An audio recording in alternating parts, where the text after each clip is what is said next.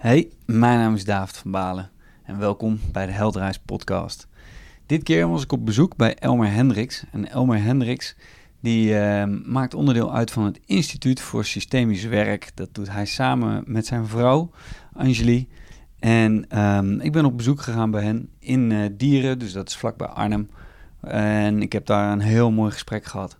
Aanvankelijk werd ik door uh, Jeanette de Geus gewezen op het bestaan van uh, het Instituut voor Systemisch Werk.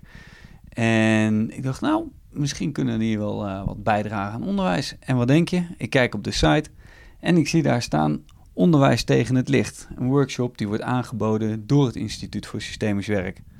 Nou ja, uiteraard nieuwsgierig als ik ben, uh, ben ik op de koffie gegaan. En heb ik een heel mooi en diep gesprek gehad met Elmer Hendricks, waaronder uh, we het hadden over, joh, wat kan systemisch werk nou toevoegen aan het onderwijs? Um, hoe zie jij de toekomst van het onderwijs? Maar zeker ook hebben we het gehad over zijn persoonlijke heldenreis en hoe hij het leven ziet. Nou al met al uh, een machtig interessante podcast waar we behoorlijk de diepte in gingen. En ik hoop dat je ervan geniet. En ik zie je graag de volgende keer. Yo!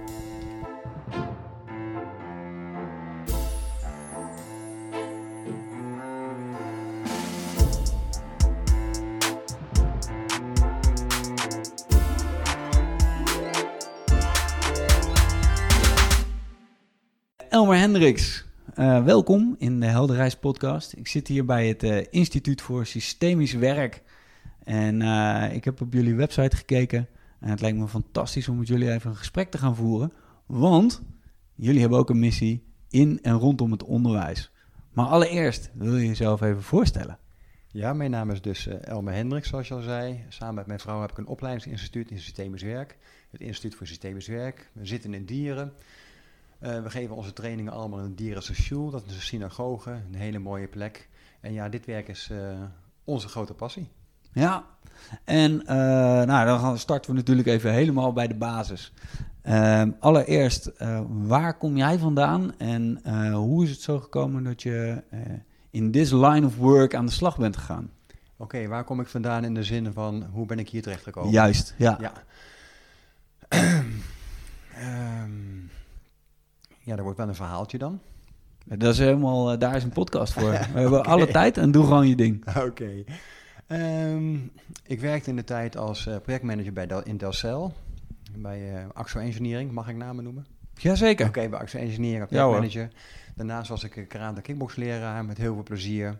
En heel toevallig kwam ik zo rond de eeuwwisseling in contact met systemisch werk. Ik werd uitgenodigd voor een familieopstelling. Dat was door mijn toenmalige vriendin, mijn huidige vrouw. Uh, die vroeg mij ook mee wilde komen voor een opstelling om eens te ervaren wat het is.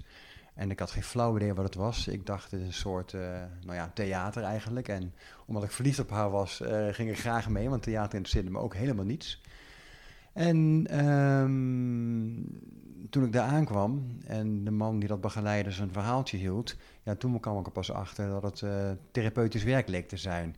Nou had ik helemaal niets mee, dus ik stond op punt om weg te lopen, maar ja. uh, beleefdheid dwong mij om tot de eerste pauze te wachten. maar goed ook. Ja.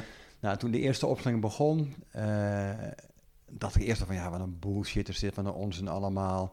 Maar toen het verder begon te gaan, ik begon dingen te voelen. Uh, ik zag, het is echt wat daar gebeurt. Ik begreep er helemaal niets van, maar ik begon van alles te voelen en te ervaren. En vooral ook te realiseren. Ik wist van wat daar gebeurt klopt. Het is echt. En ik kon het niet weten, maar ik wist het. Ik wist ook met 100% zekerheid dat ik in die opstelling terecht zou komen. Nou, dat gebeurde ook. En na die opstelling, ja, ik was helemaal van de kaart, helemaal van de wap. Ik had echt zoiets van, wat is dit?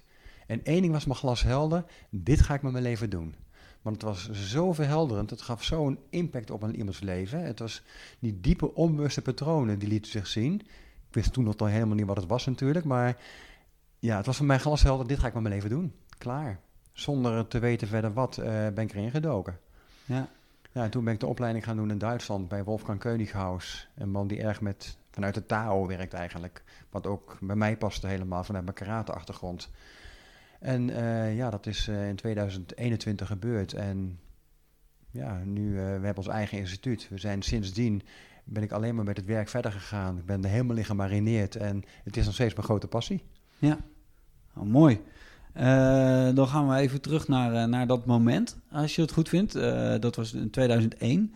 Ehm, wat gebeurde daar? Kun je dat omschrijven? Want jij je, zei ja, eh, ik wist zeker dat ik in de opstelling terecht kwam. Eh, maar als wat? Het was een, ehm, een echtpaar die eh, naar hun relatie wilde kijken. En dat was een echtpaar met twee dochters.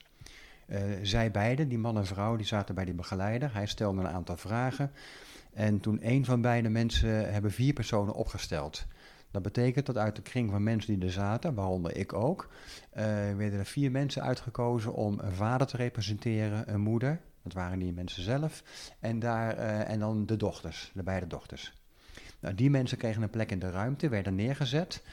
En ehm, wat er toen gebeurde, het is natuurlijk twintig jaar geleden bijna, maar ehm, de ouders draaiden zich van elkaar weg. Die stonden naar elkaar toe opgesteld, die draaiden zich van elkaar weg. Hij keek een beetje naar boven. Over het algemeen, hè, nu weet ik dat dat vaak betekent van eh, niet verbonden zijn met het leven. Misschien zelfs uit het leven willen stappen. Nou ja, al die aspecten. Eh, en de dochters die keken allebei naar de grond, naar één plek en die begonnen te huilen. Nou, dat was natuurlijk voor mij ook überhaupt een moment van, wat, wat is dit? Ja. Ja, dus toen begon ik ook alles te voelen. En uiteindelijk bleek dat waar die dochters naar keken, was een, ehm, een geaborteerd kind van de ouders. Zo, zo werkt het in systemisch werk. En ik wist zeker, ik kom in die opstelling terecht. En dat klopte ook, want ik werd uitgenodigd als het geaborteerde kind. Wow. En ja. ik- ja, inderdaad. En ik ging daar toen, eh, ik moest daar gaan liggen ook. Nou ja, dat was eh, voor die dochters heel emotioneel, ook voor de ouders. Met mijzelf als kind ging het heel erg goed, tot mijn stomme verbazing. Want ik had natuurlijk wel een idee van, een gedachte over. Maar in de opstelling zijnde viel die gedachte helemaal weg. Ik voelde me heel erg goed. Nou ja, toen werden een aantal processen in gang gezet. Er werden wat rituelen gedaan. En uiteindelijk ging het eh, in de opstelling eigenlijk met iedereen heel goed. En toen werd ik weer uit de rol ontslagen. En nou, toen was ik weer zo gezegd helemaal mezelf. En dat was mijn eh, eerste ervaring. Wauw, Ja, intens. ja heel intens. En ik snap wel dat als je daar eh, nooit iets mee te maken hebt gehad, of eh, heel erg, nou ja, misschien wel extern geïdentificeerd geleefd hebt, dat dat wel echt een shock was. Ja, was het ook. Want in die tijd, eh, nou ja, wat ik al zei, ik, ik had helemaal niks met therapieën. Ik deed nergens aan. Ik vond alles flauwekul. Eh, dit is het leven. Als het afgelopen is, is alles klaar. Ja, iets anders bestond er niet. ja, En ja, toen kwam ik in aanraking met een realiteit. Het was voor mij gewoon een realiteit, alleen op een heel ander niveau. ja. En dat kende ik helemaal niet. En ik, was er, ik had er helemaal geen bewustzijn over. Het was echt eh, een life-changing moment, zo gezegd. Wauw. Ja. Ja. heftig. Ja, ja. Eh, en, en Heftig. mooi. En geweldig. Ja, nou, precies. precies. Hey, en ehm, eh, ik hoor twee dingen. Ik hoor systemisch werk en ik hoor familieopstelling. Ehm, Ik neem aan dat eh, familieopstelling een onderdeel is van het systemisch werk. Maar wat is het dan nog meer? Ja, dat is een goede aanname. Ehm, je zou kunnen zeggen dat systemisch werk ehm, de achtergrond is, de, de basis is van eh, de werkvormen.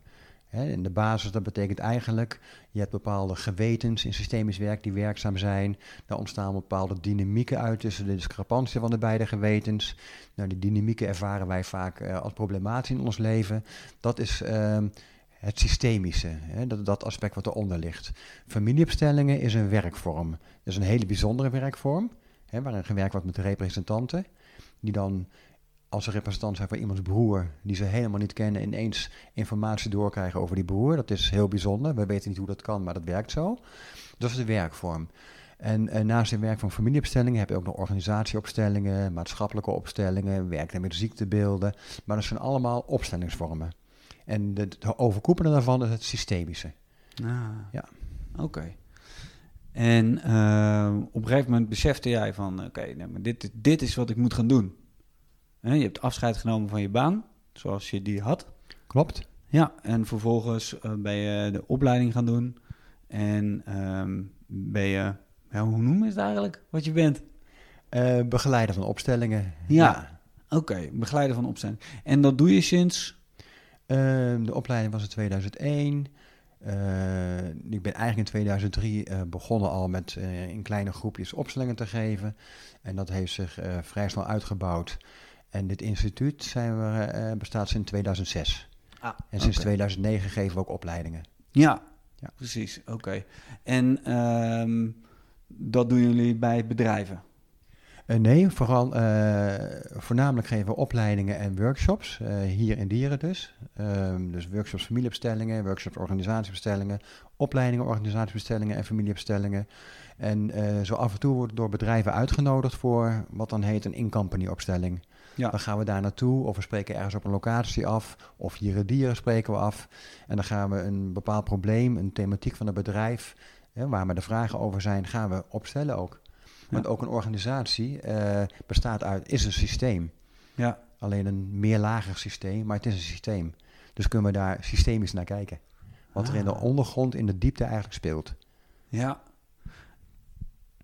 Ja, dat is misschien een hele algemene vraag, maar ik vraag me dat dan toch af. Hoe, um, hoe wordt dat dan ervaren bij een bedrijf? Ja, dat is een goeie. Um, gelukkig uh, raakt er steeds meer ingeburgerd, systemisch werk. Dus organisatieopstellingen. Ook bij uh, hele grote bedrijven. In het begin waren wat meer de, ja, de sofische bedrijven, zou ik maar zeggen, die er open voor stonden. Maar mensen merken gewoon het effect ervan. Ze snappen het niet. Dat doe ik zelf ook niet, maar ze zien wel dat het werkt. Dus het, uh, ja, het raakt steeds meer in zwang eigenlijk. Ja, oké. nou ja, we kunnen natuurlijk ook niet alles snappen. Dus dat is... Nee, uh, nee, zeer zeker niet. En, en dat is prima zolang we dat natuurlijk accepteren. Um, jullie missie binnen het onderwijs?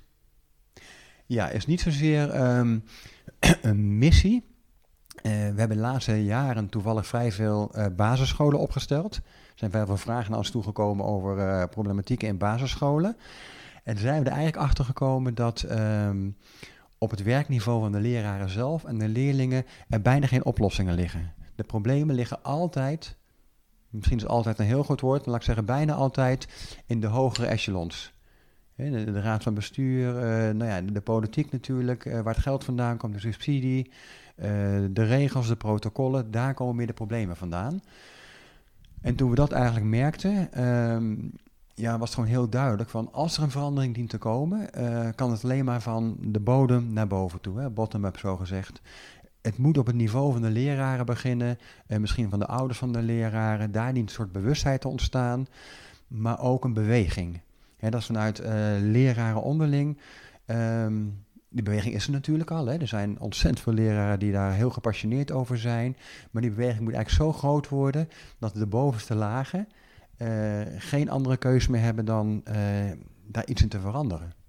Want je beschreef het straks in ons voorgesprek zelf heel mooi. Het, het onderwijs is gewoon een oud kathedraal, wat ooit vroeger gebouwd is, maar wat nog steeds in die vorm bestaat. Terwijl de wereld om ons heen ongelooflijk veranderd is. De, de manieren van leren zijn ongelooflijk veranderd. En daar is het onderwijs eigenlijk nauwelijks in meegegaan. In ieder geval in de visie die wij hebben. En dat is ook maar een visie natuurlijk. Ja, ja precies. Uh, mooi, maar wat ik me dan uh, natuurlijk ook weer afvraag is: oké, maar wat is het dan wat jullie uh, met systemisch werk kunnen bijdragen aan die verandering of aan die bewustwording? Ja, we hopen, we, we hebben een, dag georganiseerd, een tweedaagse georganiseerd, onderwijs tegen het licht. En we hopen eigenlijk, uh, er komen tot nu toe iets van 25 uh, mensen op af, onderwijzers, bestuursleden, nou, allerlei pluimage uit het onderwijs. Uh, die kunnen dan hun vragen inbrengen en door middel van opstellingen, en die faciliteren wij dan. Want onze mening daarover is niet interessant, maar wat laten de opstellingen zien? Dat is interessant. En die opstellingen kunnen misschien inzicht geven aan de mensen, aan de deelnemers. Uh, wat maakt dat er een soort bewustzijnsverschuiving komt. Een, een, een idee van, hé, hey, eigenlijk moeten we het zo gaan aanpakken. En als zij dat dan gaan initiëren. Nou ja, dat is dan een heel klein zaadje. En als het zaadje dan mag ontkiemen verder en andere zaadjes mag infecteren en op die manier langzaam mag verspreiden, vanuit allerlei andere initiatieven die er ook nog zijn, op deze manier hopen dat een, eh, een bijdrage kan leveren. En denk je dan ook aan uh, een bijdrage waarbij bijvoorbeeld, uh, nou ja, in, nou, laten we zeggen, een x aantal jaren uh, ook systemisch werk gedoseerd zal worden? Oh, dat is wel onze grote wens. Dat zou wel mooi zijn. Ja, dat zou heel mooi zijn, want het is zo ongelooflijk basaal. iedereen heeft natuurlijk zijn stokpaardje en die zegt, oh, we zijn of haar stokpaardje, datzelfde. Maar het is zo een blauwdruk van hoe sociale systemen werken. Als je daar inzicht in krijgt, als leraren daar inzicht in krijgen, als mensen überhaupt daar inzicht in krijgen, kijken ze wel anders naar het leven. Zien ze gewoon hoe het werkt en zullen ze anders handelen. Ja, en uh, voor die mensen die zeggen van, nou ja, maar anders kijken naar het leven, misschien wil ik helemaal niet anders kijken naar het leven. Wat zou het kunnen toevoegen? Welke, Ehm, welke potentie heeft het voor de levens van mensen die nu zeggen, nou, ik heb geen idee, maar misschien maar eens gaan kijken. Ja, nou dat laatste is heel belangrijk. Want als we überhaupt zeggen van nou laat maar zitten, dan eh, bent u kansloos. En dat is helemaal in orde ook. Ja. Iemand moet er ook aan toe zijn of moet er zin in hebben, moet er open voor staan. Mensen die er open voor staan en, eh en naar willen gaan kijken. We hebben nog niet anders meegemaakt dat ook in de trainingen die we geven, eh, ja, mensen krijgen daar inzichten in, eh, die nemen ze mee. Ze kunnen het leven niet meer loszien van de inzichten die ze meenemen. Bijvoorbeeld hoe relaties werken. Bijvoorbeeld hoe relaties leraren-leerlingen werken. Hoe relaties tussen de ouders en de kinderen werken. Tussen de ouders onderling. Die relaties, hoe werkt dat nou eigenlijk? Waar komen de problemen vandaan onderling? Waar komen de problemen vandaan tussen de ouders en de leerling en, ehm, en de kinderen? Tussen leerlingen en eh, leraren. Dus je krijgt eigenlijk een inzicht in de interactie die er speelt, maar niet een inzicht op een, eh, eh, op meer een cognitief niveau, maar op een dieper onbewust niveau. Op een, waar komen die trauma's vandaan? Waar komen die pijnpunten vandaan? Die maken dat de communicatie tussen mensen niet verloopt. Waar komt die ongelofelijke angst vandaan? Die weerstand, al die aspecten. En daar krijg je inzicht in, eh, wat mij betreft, onder andere door eh, systemisch werk. Ja, en die bewustwording die eh, zorgt dan voor begrip. Eh, begrip, maar niet alleen begrip, want eh, begrip zonder verandering, daar heb je niets aan. Die bewustwording zorgt ervoor uiteindelijk dat mensen anders gaan handelen. En dat, hand, dat anders handelen, daar komt het op aan. Je kan alle inzichten in de wereld hebben, maar als je daar niet naar handelt, ja, dan verandert er nog weinig. Maar daar is eerst die bewustwording voor nodig. Dus wanneer die bewustwording daar is, eh, kan daarna gehandeld worden. Ja, precies. En dat handelen, dat gaat dan eh, eigenlijk als vanzelf weer op een andere manier. Want die bewustwording maakt dat de oude manier waarvan je gemerkt hebt dat die niet helpend was, ja, dat die gewoon niet meer werkt. En die doe je niet meer. Waarom zou je? Ja, ja, Dat past niet meer bij de persoon die je dan geworden bent. ja, ik snap het. Denk ik. En dat gevoel. dat, ja, precies, dat, dat idee. Ehm, voordat we doorgaan over het onderwijs, want ik, ik wil je nog daar wel een aantal vragen over stellen. Ik ben heel benieuwd ook eh, naar jouw persoonlijke visie op dat gebied. Ehm, wil ik eigenlijk nog wel een vraag stellen ook over, eh, direct over systemisch werk of over familieopstellingen. Eh, ik heb regelmatig gehoord van, en dan noem ik even een voorbeeld, maar ik heb even ook niet iemand in gedachten. Maak je geen zorgen. Eh, dat is ehm, eh, een, een, een meid en die zegt: Ik val altijd op de verkeerde mannen. Stel je bent naar, naar deze podcast aan het luisteren en je denkt: Oh, nee, maar dat geldt voor mij. Eh, wat heeft systemisch werk of wat hebben familieopstellingen voor jou dan eventueel in petto qua inzichten? Ja, ik val altijd op verkeerde mannen. Daar zit altijd een dynamiek onder. Ehm, vaak is die verbonden met de vader. Hoeft niet altijd, vaak verbonden met de vader. Dat kan ook voortgekomen zijn uit een verstrikking. En een verstrikking wil zeggen dat iemand onbewust geïdentificeerd is geraakt met een persoon uit een vorige generatie, of meerdere generaties daarvoor. Vraagt om meer uitleg, maar even voor de, de korte termijn. Ja. Wat zo'n persoon dan zou kunnen doen in de opstelling, is het thema neerzetten van, goh, ik loop hier tegenaan. Eh, ik val altijd op de foute mannen, de verkeerde mannen. Eh, ik als begeleider zijnde voel dan op een wat dieper niveau eigenlijk mee met die cliënt. En doe ik een voorstel voor eh, een opstelling. Van nou, laten we jou en je vader opstellen en daar eens naar gaan kijken. Nou, in die opstelling wordt al heel snel duidelijk eh, welk thema er speelt tussen haar en haar vader. Even uitgaand dat er een thema speelt. Dat thema dat kan zichtbaar worden, dat wordt zichtbaar over het algemeen. En dan kan ik als begeleider daar een bepaald ritueel mee doen. Dat de cliënt zelf, de dame in kwestie, eh, vrijkomt van het belastende patroon waar ze met haar vader in zit. En als het belastende patroon tussen haar en haar vader ehm, losgekomen is, eh, zal ze vanaf dat moment ook anders, eh ander soort mannen aantrekken. Vanuit haar frequentie is veranderd, zoals het ware, haar trilling is veranderd. En daarvanuit zullen er ook andere mannen op haar pad komen. En niet meer de verkeerde mannen die haar oorsprong misschien hadden in de relatie met haar vader. Aha. En dat is een voorbeeld wat het Ja. zou kunnen zijn. En, en, eh, maar dat gebeurt direct daar op dat moment. Dat gebeurt direct daar op dat moment. Het is, ehm, opstellingen werken altijd op een, op een zielslaag, in, in het diepe onbewuste. En opstelling laat altijd zien wat in de diepte speelt. Niet in de oppervlakte, maar wat er in de diepte speelt. En daar ontstaan natuurlijk de belastende patronen. Ja. Dus in het moment zelf, nou ja, binnen een 10 minuten, een kwartier tijd, kun je al een diep inzicht gekregen hebben in wat er nu eigenlijk echt aan de hand is. En als je dat inzicht gekregen hebt en je hebt het ook nog een keertje gevoeld en ervaren als cliënt in de opstelling en daar mogelijk een ritueel mee gedaan, ja, kan dat een enorme omslag in je leven betekenen. Wauw, dankjewel. Dat, eh, Ja. dat, dat is precies ook waar ik naar op zoek was. Want eh, dit soort concrete voorbeelden maken het eh, beeldend hè, voor mensen om, om het te begrijpen. Wat ik me ook overigens kan voorstellen, is dat er mensen zijn die daarbij staan en die zeggen: Ja, maar dat wil ik niet aan. Ja, zeker. Ehm, dat verbaast me nog steeds, omdat ik juist heel gretig was in mijn tijd van, Ja, om mijn pijnpunten aan te kijken. Maar blijkbaar eh, zijn inderdaad voldoende mensen die realiseren dat er wat leeft bij hun. Maar ehm, ja, de angst is nog te groot om er naar te kijken. En dat is ook in orde natuurlijk. ja, Ja. ja, wat ik me wel ook afvraag is dan: waar, waar, waar komt dat vandaan? Waar- waarom is de angst bij iemand dusdanig groot? Ehm, dat hij eigenlijk niet wil groeien in, in, op dat gebied. Nou, het heeft nogal wat consequenties. Onbewust vaak. En onbewust zijn mensen vaak bang voor die consequenties. Als je namelijk je pijnpunten aankijkt, ten eerste ga je een traject, een, jarenlang traject waarschijnlijk, eh, wat ongelooflijk pijn doet. Je komt je angsten tegen, je onzekerheden, wanhoop, je verdriet. Het is geen leuk proces. Wel helend, maar niet leuk. Dus dat, daar kan de angst op zitten. Maar tegelijkertijd, als jouw eh, de pijnpunten weggevallen zijn, als datgene wat gemaakt heeft dat jij niet verder kon in het leven weggevallen is, ben je in één keer verantwoordelijk geworden voor je eigen leven. Wow, en dat kan nogal wat zijn. Ja. Dan kun je niet meer even zogenaamd de schuld geven aan, ja, maar mijn ouders dit, of mijn vader dat, of mijn moeder zus, of het komt daar en daardoor. Nee, dan ben je zelf verantwoordelijk eh, geworden voor je leven. En dat is nogal wat. Ja. Dat is één aspect. Een ander aspect is, mensen kunnen aan hun pijn gehecht zijn. En dat is wat ze zo goed kennen. Hebben ze altijd al gehad, dat kennen ze zo goed.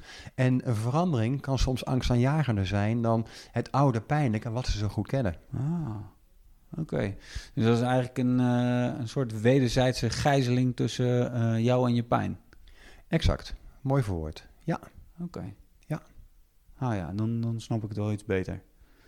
Eh, hoe, hoe dat dan kan, inderdaad. Ja. Ehm, Oké, en wat zou jij, want dan maak ik wel even de koppeling ook naar onderwijs.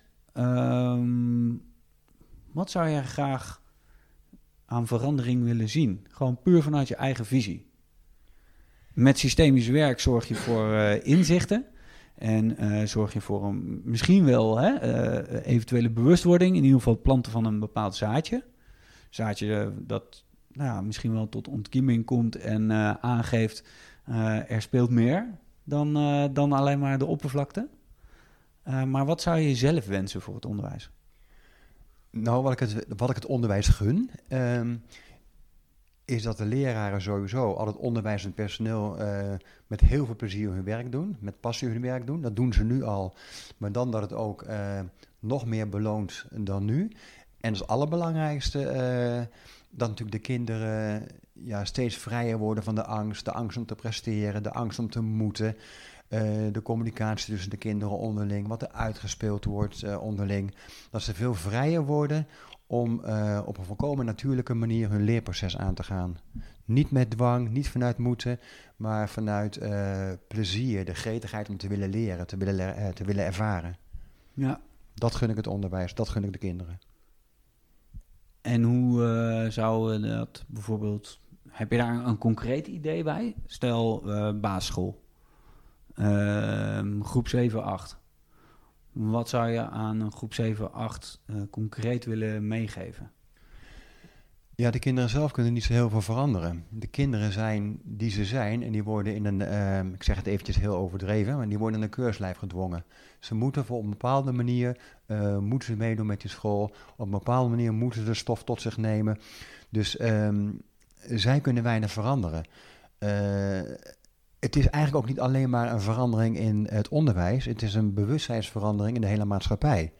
Onderwijs is natuurlijk maar een exponent eh, van de maatschappij. Ja.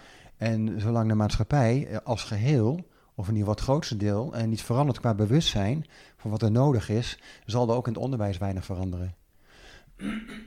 Maar bottom-up betekent ook, juist omdat onderwijs ongelooflijk belangrijk is, want het is de toekomst. Bottom-up betekent ook dat, dat leraren, um, onderwijspersoneel ook meer bewustzijn dient te ontwikkelen. Ook naar binnen toe. Wie zijn ze? Wat zijn ze? Waarom doen ze wat ze doen? Ehm, is hun passie om les te geven uh, werkelijk vrij? Of komt het vanuit eigen angsten, uit eigen tekorten? Willen ze via de kinderen uh, de wereld verbeteren? Of, het is heel belangrijk ook, wat ons betreft, dat uh, ook leraren eerst de hand diep in zichzelf tasten. Ja, oké. En is daar dan ook een, ja, er is een schone taak weggelegd voor de lerarenopleidingen? Ja, zeer zeker. Wij zouden zelf vanuit onze passie voor ons werk natuurlijk heel graag zien dat uh, systemisch werk een onderdeel wordt uh, bij de opleidingen voor leraren. Ja, hebben jullie al uh, contacten of trainingen gegeven? ja, we hebben wel eens trainingen gegeven voor, voor leraren, maar niet nog voor een, een onderwijsinstantie. Dat zouden we heel graag doen, maar die vraag moet vanuit de onderwijsinstantie zelf komen. Ja. Okay. En wij kunnen alleen maar ehm, met de vlag zwaaien zeggen van wij bestaan.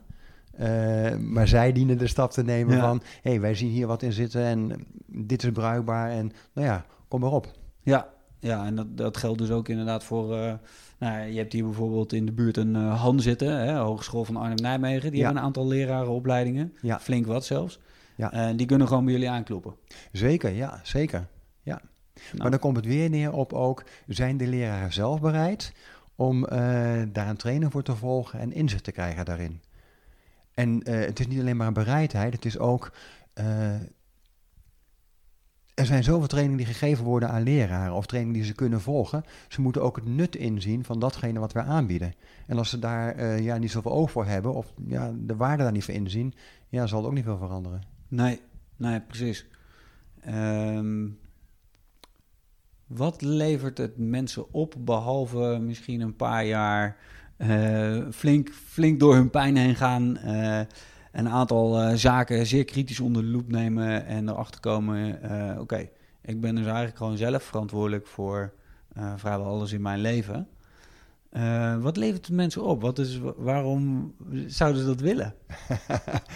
Vaak willen ze het niet, maar um, als ik naar mezelf kijk, ik wil dit niet, maar ik kwam erin terecht. Toen had ik misschien de keus van, ik ga erin door ik laat me meenemen in die stroom of ik stap eruit. Ja. Maar ik geloof helemaal niet meer zo erg dat wij vrije keuze hebben. Nee, hè? Zelfs die keuze misschien niet eens. Maar goed, aannemen dat ik die keuze heb, even voor het gemak. Ja. Um, ik heb die keuze gemaakt. Ik heb die stap gemaakt, de stroom ingegaan. En ik ben al die, nou ja, die jarenlange ellende ben ik doorgegaan. Um, wat je dan overhoudt, uh, mijn leven voorheen was fantastisch. Ik ben met mijn 17 op kamers gaan wonen. Toen is mijn leven pas begonnen. Toen had ik een geweldig leuk leven. Karate, kickboksen, vrienden en alles. Het werk in de techniek vond ik ook ontzettend leuk.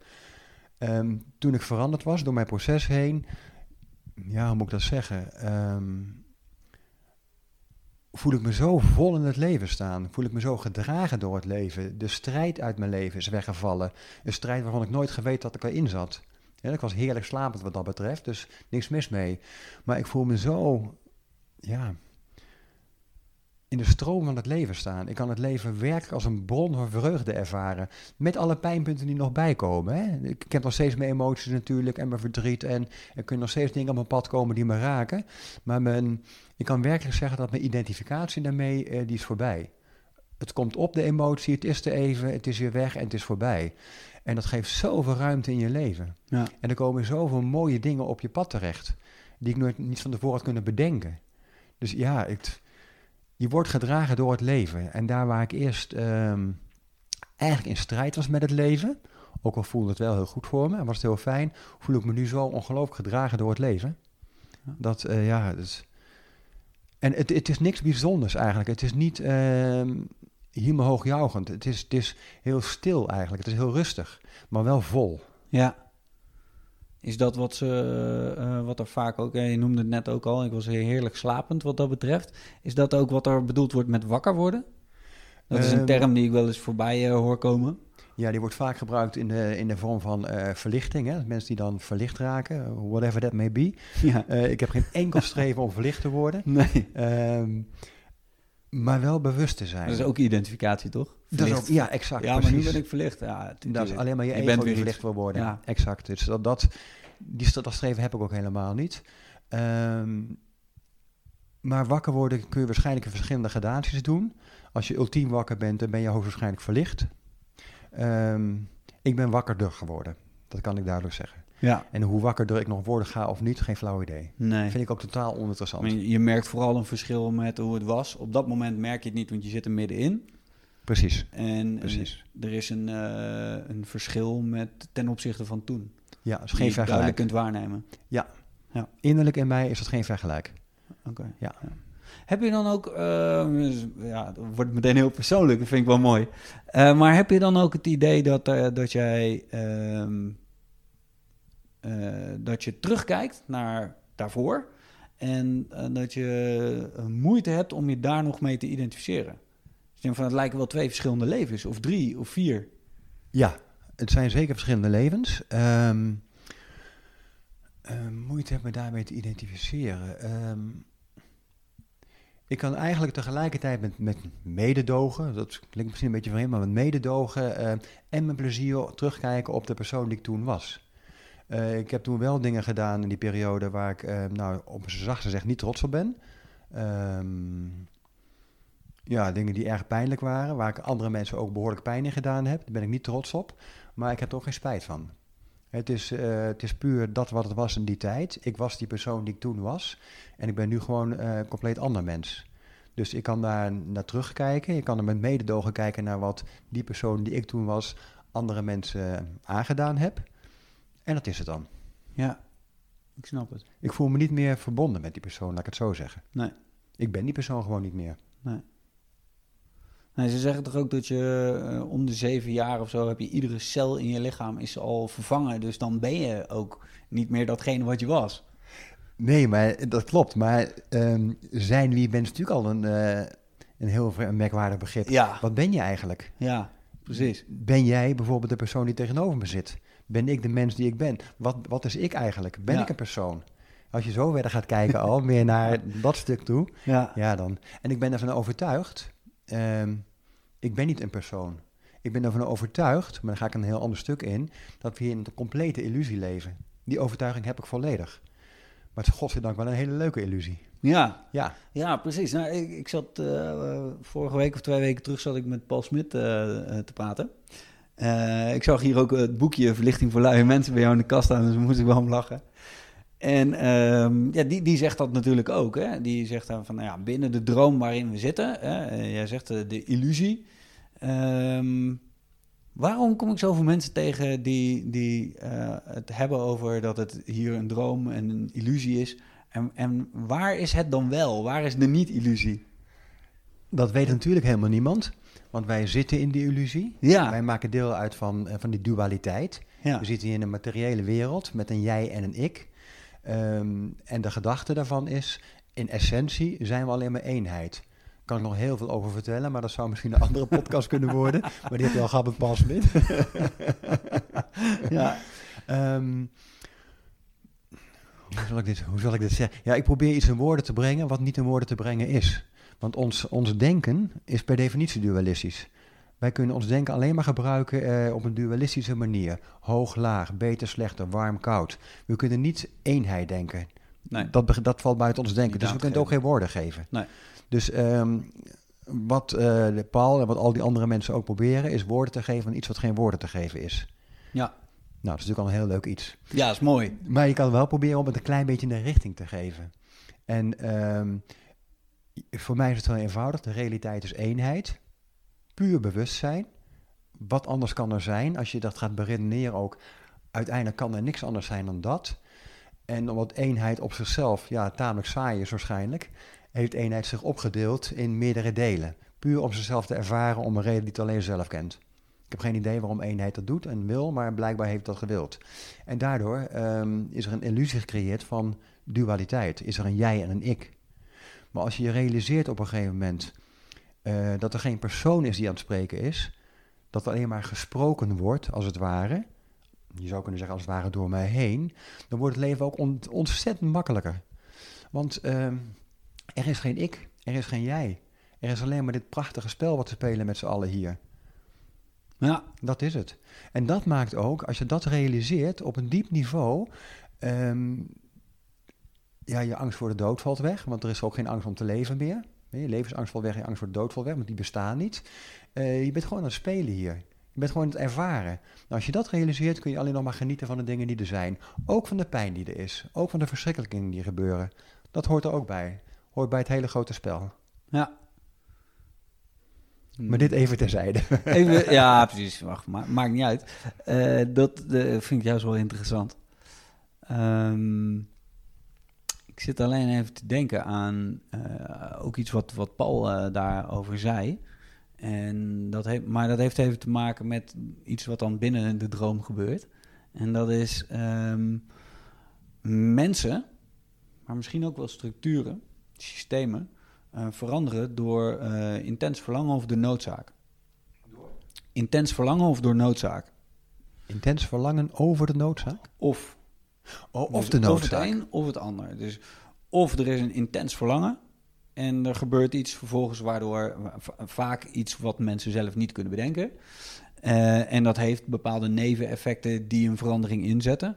Eh, of er is een, een noodzaak. Eh, even misschien interessant om onze twee voorbeelden daarvan naast elkaar te zetten.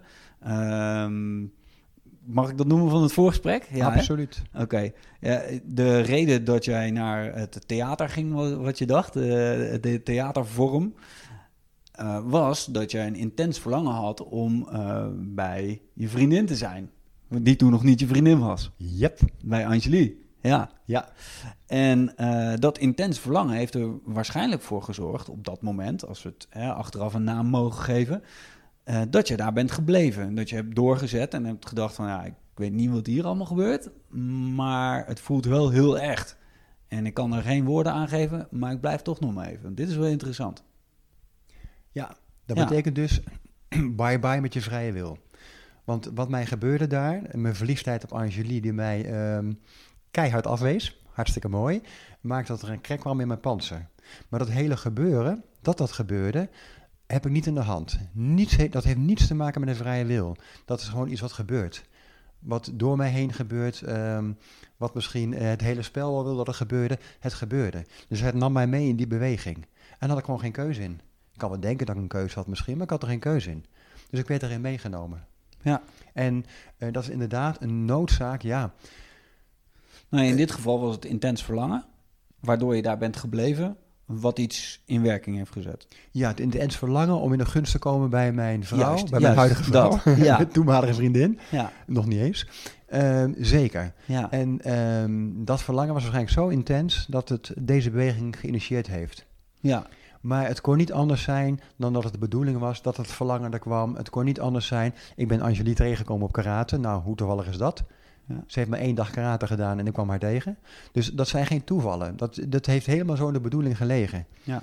Dus ja, ik ben gewoon meegenomen in die beweging. Heel simpel. ja. En Ja, in de dualiteit inderdaad, in het spel hier, kunnen we, ehm, eh, kunnen we iets als een noodzaak ervaren. En we kunnen iets als een verlangen ervaren. Maar we hebben geen keuze of het komt of niet. Nee. Het is er of het is er niet. Het komt of het komt niet. Ja, want waar ik eh, vanuit daar naartoe wil, is dan inderdaad de verandering waarover we het hebben. Hè? Eh, eh, de, de kathedraal, de industriële kathedraal die is gebouwd, het onderwijs, de metafoor voor het onderwijs. Eh, als we daar graag verandering willen zien, omdat we zien dat er nou ja, toch wel een noodzaak is. Hè? De, het onderwijs ehm, levert op dit moment voor een groot deel nog zaken aan kinderen die niet meer aansluiten bij de huidige maatschappij. Daar zijn we het over eens. Daar zijn we het helemaal over eens. Ja. Eh, wij zien noodzaak, maar waarom eh, gebeurt het dan nog niet? Puur bewustzijn. Ehm, mijn vermoeden is eh, dat de mensen die het voor het zeggen hebben, hè, die financiën beheren, die in de politiek zitten.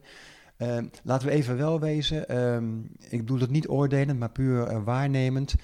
Het gemiddeld niveau in de politiek is zeer middelmatig. Mensen, er zijn mensen die in de politiek terechtkomen vanuit hun passie, hè, die echt eh, dingen willen verbeteren. Er zijn ook mensen die om andere motivaties waarschijnlijk in de politiek terechtkomen.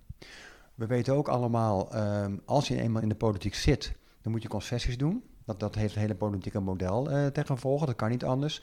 Dus datgene waar je ooit voor in de politiek terechtgekomen bent, kalft misschien langzaam af. Er zijn gewoon hele grote machinaties, uh, die daar aan het werk zijn.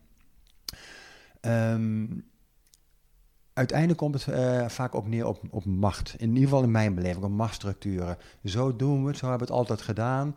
Um, dat bevalt mij het beste en zo laten we het ook voortgaan.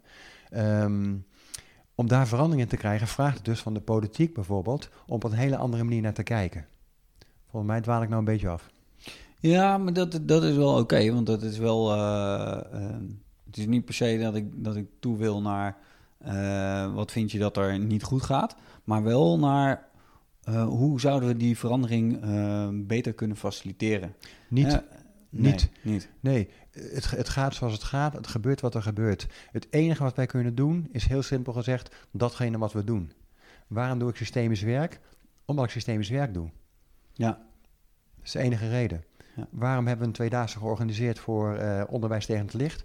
Omdat we dat georganiseerd hebben. Dus blijkbaar uh, is er een beweging die maakt dat we dat willen doen. Ja. En waar die beweging heen leidt en wat het uiteindelijk tot een verandering brengt, dat weten we niet. Maar we kunnen simpelweg niet anders doen dan we doen zoals jij ook jouw dingen doet, ook in het onderwijs. Ja, je kan eenvoudigweg niet anders dan je doet wat je doet. Ja. En um, een beweging te verwachten is wat veel gezegd, maar uh, alles beweegt in het leven. Dus een beweging kan niet uitblijven. En op een gegeven moment is iets helemaal klaar. En dan kan er nog wel een bouwsel overeind, overeind staan, zo'n kathedraal. Maar de fundamenten in de kathedraal, die, die gaan op een gegeven moment, die verdwijnen. En op een gegeven moment zal de kathedraal instorten. Op wat voor manier ook. Het zal een keer veranderen. Ja. Uiteindelijk. Ja. En het enige wat we kunnen doen daarin is datgene wat we doen. Ja, en zo zijn jullie ook op het idee gekomen om onderwijs tegen het licht te starten. Ja, dat idee kwam uh, naar ons toe eigenlijk door het feit dat we allerlei uh, opstellingen gedaan hadden voor basisscholen.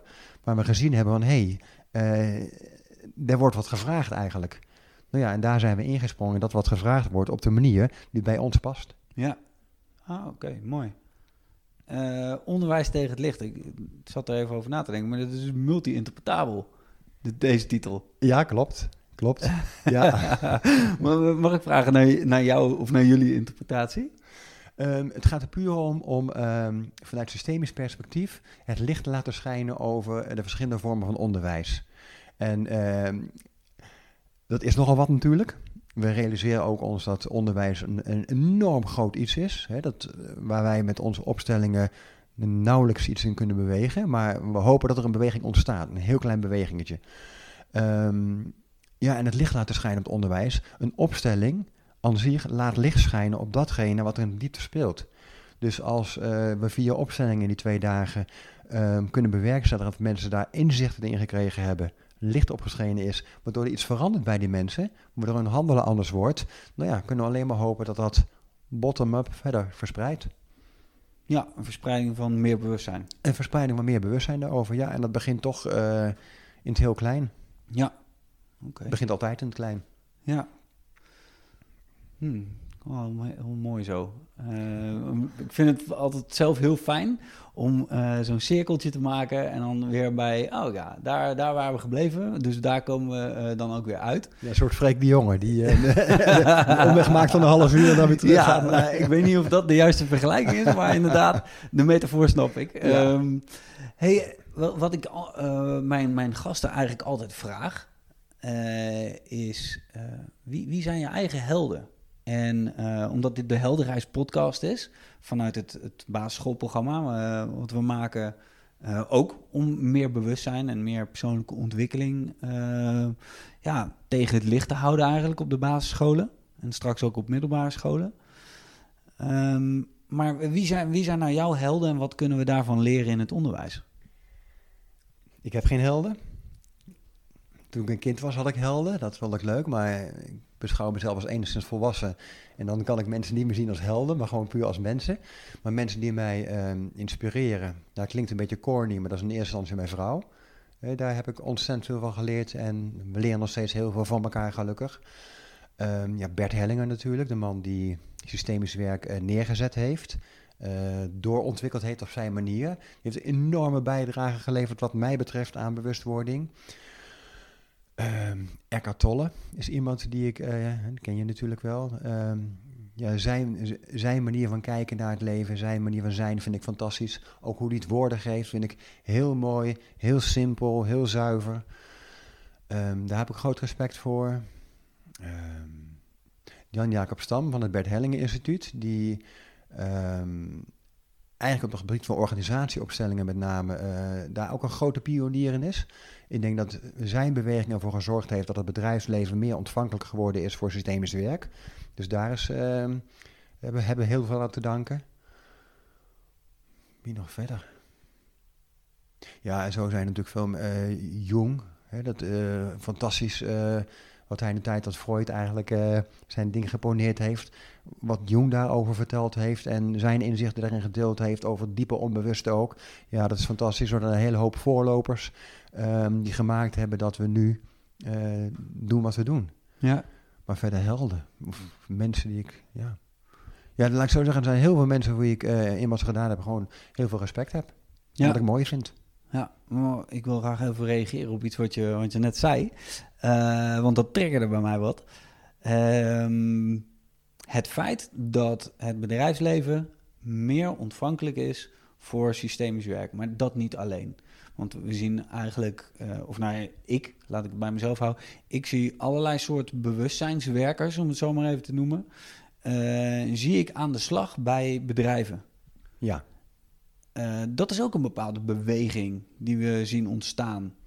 Ja, en ook al is de beweging um, soms nog minimaal, en al lijkt de beweging soms een, um, een doekje voor het bloeden te zijn.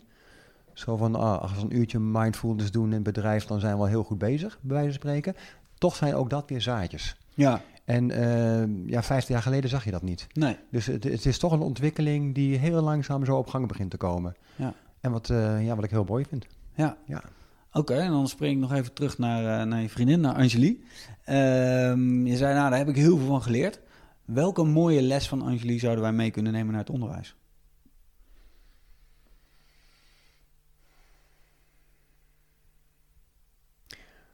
Ja, ook weer, um, ook weer bewustzijn. Um, de moed hebben. Uh, mijn vrouw is tien jaar geleden ernstig ziek geworden. Bijna overleden, een auto-immuunziekte gekregen. Um, raak me gelijk weer even. Ja, snap ik. Zij heeft zo ongelooflijk de moed gehad.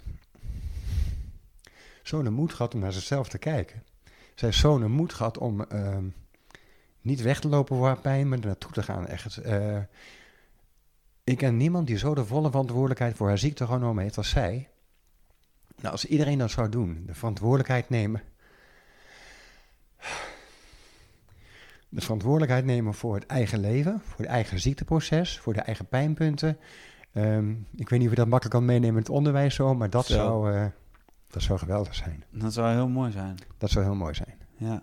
ja. Dat was tien jaar geleden, dus toen was zij ook al een tijd bezig met, uh, met systemisch werk.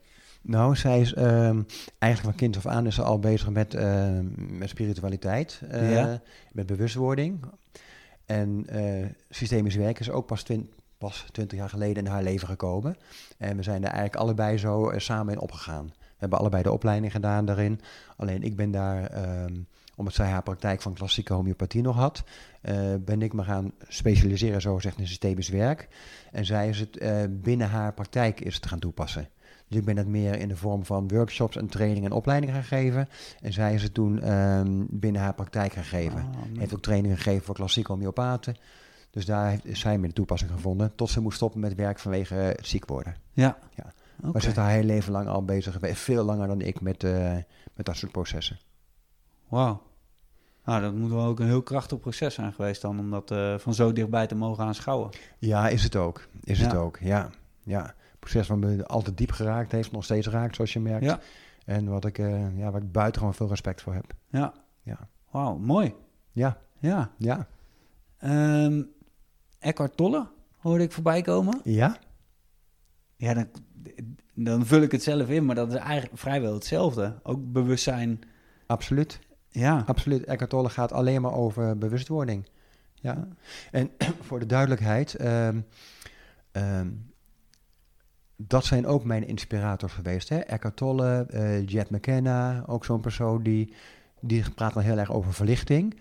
Maar de manier waarop hij erover praat en wat hij erover vertelt, een volkomen bullshitloze manier, ja, die vind ik geweldig. En op een andere manier uh, vind ik Eckhart Tolle ook zo. Die is volkomen helder in wat hij zegt. En ja, dat heeft mijn eigen groei bevorderd. Ja. Maar boeken lezen en daarover, uh, dat, dat brengt je niks verder als je het niet zelf integreert in je eigen leven. Ja. ja. dus het is mooi om te lezen. Het is ook zin, ik vind het ook heel zinvol om te lezen, want het geeft echt een klik. Maar zolang je niet bereid bent de blik naar binnen te richten en naar, daar werken mee aan de slag te gaan in jou, uh, blijf het bij lezen en blijf het bij kennis in je hoofd. En niet verinnerlijkte kennis. Ja. Het is eigenlijk alleen maar informatie, het is geen kennis. Nou ja, precies. Het is inderdaad het, het, uh, het vormen van een mening in plaats van het voorbeeld zijn. Precies, precies. En informatie poneren, zo naar buiten brengen, dat kan een mening zijn. Maar kennis is echt ja, geïnternaliseerde ja. mening, ervaring. Ja. Mooi man. Um, ik zit even te kijken of ik, of ik nog een van de vragen die ik hier heb, heb ik nog eigenlijk nog niet naar gekeken, die ik heb opgeschreven, uh, of ik die nog niet heb gesteld. Maar volgens mij heb ik alles door, ben ik alles doorgelopen met je. Um, zijn er nog zaken die we niet hebben besproken op het gebied van uh, jullie instituut? Uh, of zoals je misschien wel de toekomst ziet voor het onderwijs? die je nog even zou willen bespreken? Um, nee, dat zou ook bijna aanmatigend zijn om een idee te hebben over hoe het onderwijs er in de toekomst uit zou zien. Ik heb geen idee. Het enige wat ik kan zeggen is um, ja, dat wij ook vanuit systemisch werk, vanuit onze visie, uh, al die bewegingen heel graag willen ondersteunen. Ja, dat eigenlijk. Ja. Mooi, mooie boodschap. Ja. waar kunnen mensen jou vinden? Of jullie vinden? Oh, um, op de website natuurlijk. Uh, dat is um, uh, www.ivsw.nl, Instituut voor Systemisch Werk. Ja. Daar. Ja, Ah, te gek. Elmer, mag ik je heel erg bedanken voor dit eh, openhartige gesprek. Heel graag gedaan. Ik vond het erg leuk om te doen. Oké, dankjewel. Jij, jij bedankt voor de uitnodiging.